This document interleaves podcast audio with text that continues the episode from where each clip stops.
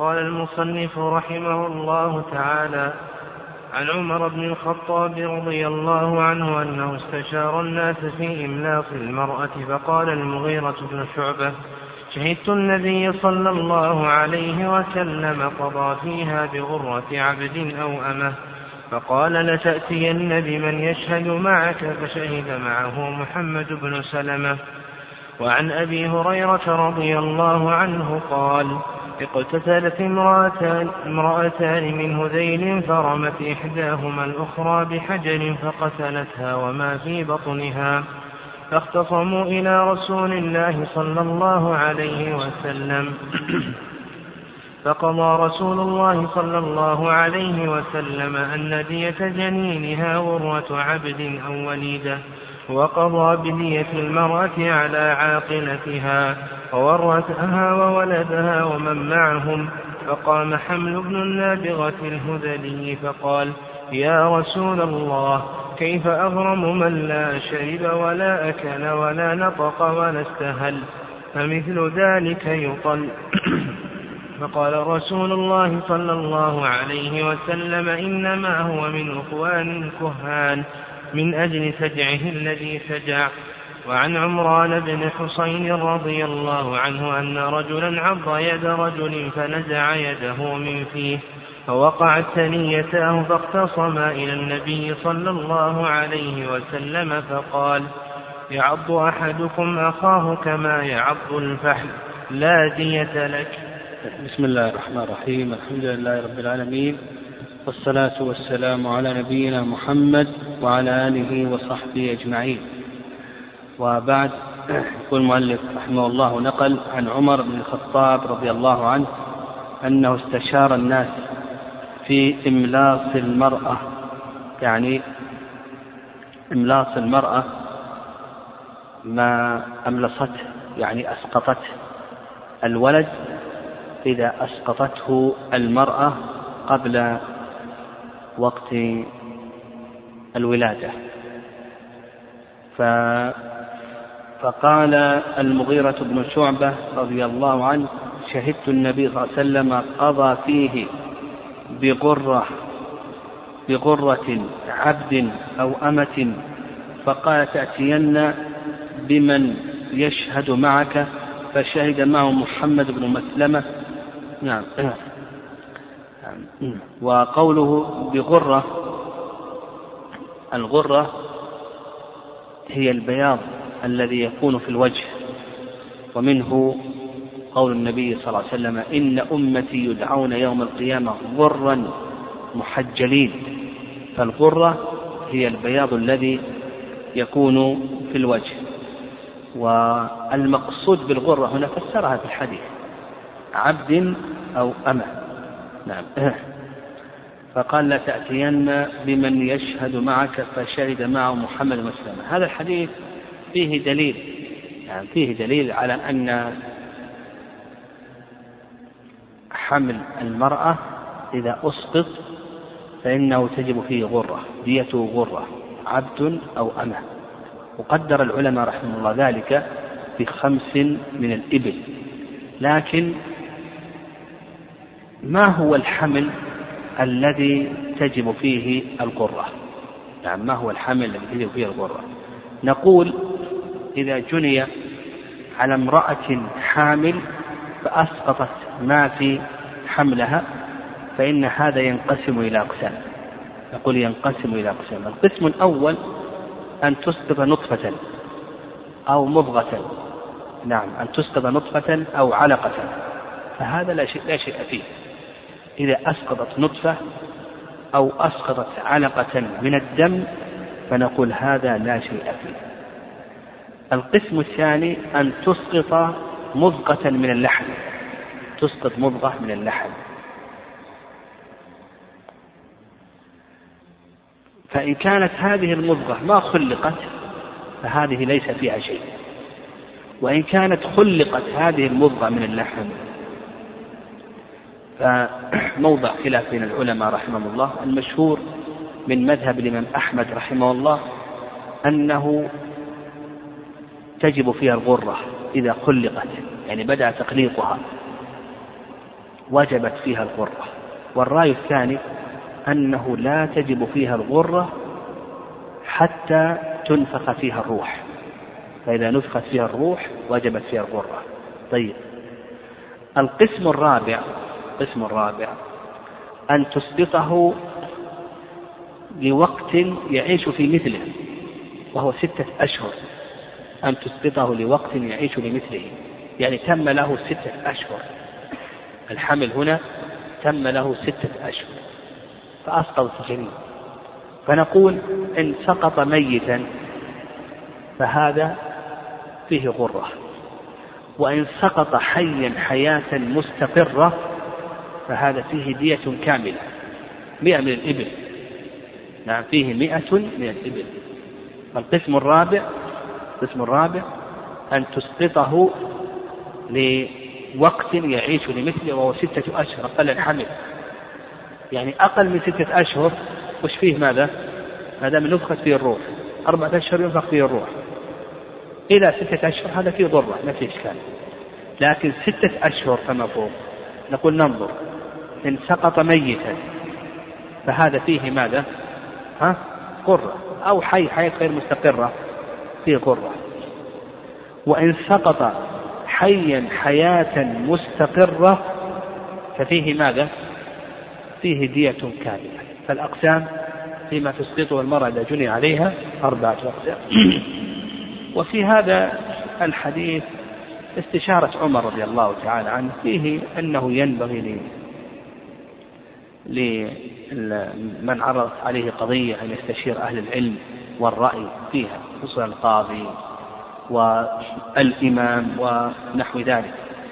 وفي هذا أيضا التثبت في هذا التثبت في المسائل وطلب الخبر الصحيح فيها لأن عمر رضي الله تعالى عنه لم يشك في صدق المغيرة بن شعبة رضي الله تعالى عنه لما لكن لما كان هذا سيكون حكما عاما وشرعا مستقرا إلى يوم القيامة. طلب من يشهد مع المغيرة بن شعبة فشهد معه محمد بن مسلمة. وفيه أيضا فضيلة المغيرة بن شعبة رضي الله تعالى عنه وضبطه حيث ضبط هذا الحكم وصدقه على ذلك محمد بن مسلمة رضي الله تعالى عنه. وفي هذا أيضا أن العلم قد يخفى على كابر أن بعض العلم قد يخفى. عمر رضي الله تعالى عنه من كبار الصحابة رضي الله تعالى عنه ومع ذلك خفي عليه أو خفيت عليه هذه المسألة. وفيه أيضا دليل لقاعدة أصولية أو قاعدة فقهية وأنه لا اجتهاد مع النص. يعني فعمر رضي الله تعالى عنه لما علم بالنص أخذ بالنص ولم يلتفت نعم لم يلتفت إلى غيره. وفيه أيضا يعني عظمة الشريعة الإسلامية. حتى الحمل الشريعة الإسلامية جعلت فيه هذا الحمل جعلت فيه هذه الدية وهي الغرة. قال عن أبي هريرة رضي الله عنه قال اقتتلت امرأتان من هذيل فرمت إحداهما الأخرى بحجر فقتلتها وما في بطنها قتلتا يعني تضاربتا. هاتان المرأتان تضاربتا فيما بينهما فرمت إحداهما الأخرى بحجر فقتلتها وما في بطنها فاختصموا إلى النبي صلى الله عليه وسلم فقضى النبي صلى الله عليه وسلم أن دية جنينها غرة عبد أو وليدة كما تقدم فيما يتعلق بما تسقطه المرأة وأن هذا ينقسم إلى ماذا؟ كم ينقسم؟ إلى أربعة أقسام سبق أن بيناها وقضى بدية المرأة على عاقلتها يعني على عصبتها. نعم العاقلة هم عصبة الشخص وسموا بذلك لأنهم يعقلون القاتل أي يمنعونه يعقلون القاتل أي يمنعونه. قال وقضى بدية المرأة على عاقلتها وورثها ولدها ومن معهم. فقام حمل بن ابن النابغة الهذلي فقال صلى الله عليه وسلم كيف أغرم من لا شرب ولا أكل ولا نطق ولا استهل؟ الاستهلال هو رفع الصوت بالبكاء والمراد هنا أن حياته غير معلومة. يعني لا تعلم حياته باستهلال أو بأكل أو شرب أو نطق ونحو ذلك. فمثل ذلك يطل يعني يهدر ويلغى. عليه وسلم إنما هو من إخوان الكهان من أجل سجعه الذي سجع. يعني, يعني النابغة رضي الله حمل حمل بن النابغة رضي الله تعالى عنه لما أراد أن يرد هذا الحكم الشرعي ألحقه النبي صلى الله عليه وسلم وشبهه النبي صلى الله عليه وسلم بالكهان والكاهن والذي يخبر عن المغيبات في المستقبل. فشبهه النبي صلى الله عليه وسلم بالكهان لأنه أتى آه، بشيء آه، نعم أتى بشيء منكر أراد به آه، أكل مال الغير مثلها الكاهن. الكاهن يخبر ويكذب ويفتري كل ذلك أكلا لأموال الغير يعني يأكل أموال الغير بالباطل هذا الحديث فيه مسائل من مسائله ما يتعلق بدية الجنين وذكر الأقسام في ذلك ومن مسائله إثبات قسم من أقسام القتل وهو شبه العمد. وهذه المسألة موضع خلاف يعني أقسام القتل اثنان يتفق عليهما العلماء رحمه الله العمد والخطأ. العمد والخطأ يتفق عليهما العلماء رحمهم الله ويختلفان في يختلفون في شبه العمد.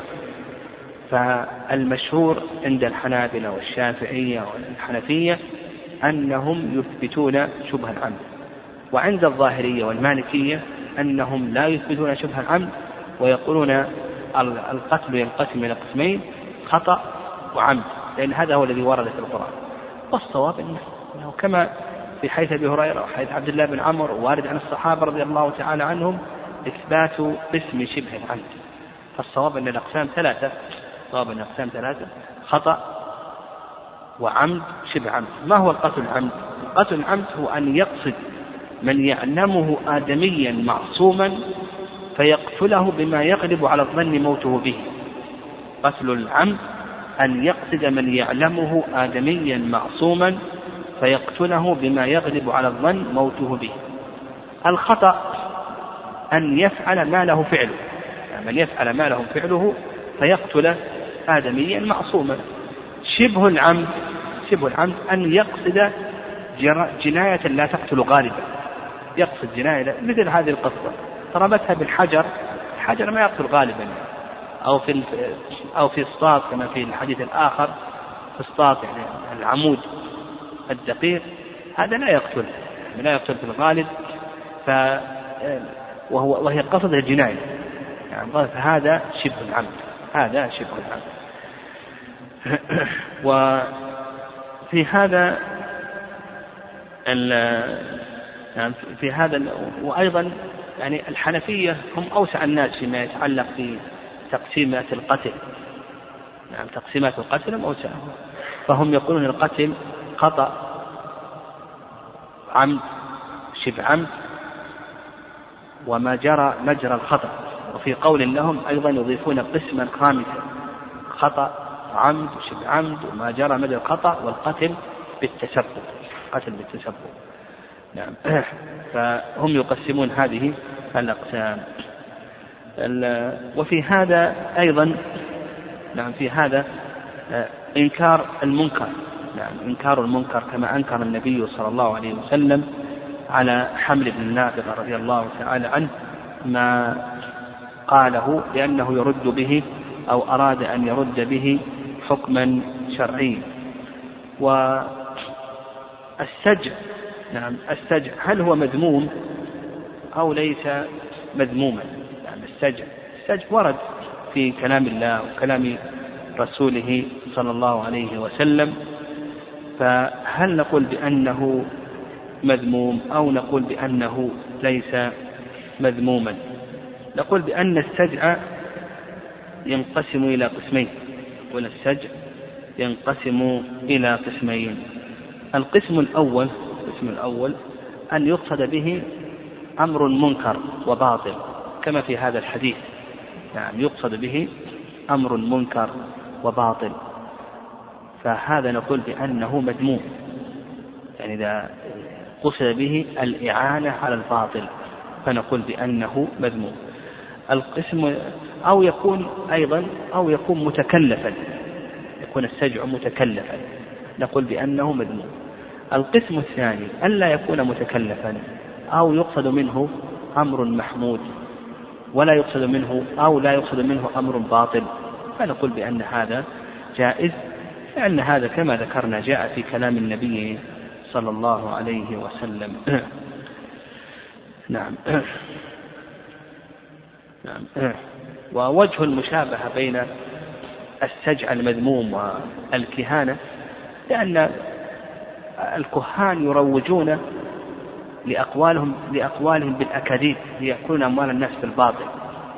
وأيضا الذين يسجعون آه، سجعا مذموما أيضا يروقون كلامهم بهذا السجع المذموم ليروجون باطلهم ويأكلوا أموال الناس. وفي هذا أيضا الحديث فيه أن الدية في قتل شبه العمد وفي الخطأ تحمله العاقلة. العاقلة القاتل لا يتحمل الدية إلا في قتل العمد فقط. أما في قتل الخطأ وقتل شبه العمد فالذي يتحمل الدية هي عاقلة القاتل. وسيأتينا إن شاء الله الكلام حول العاقلة بإذن الله. في الدرس القادم بإذن الله. والله أعلم.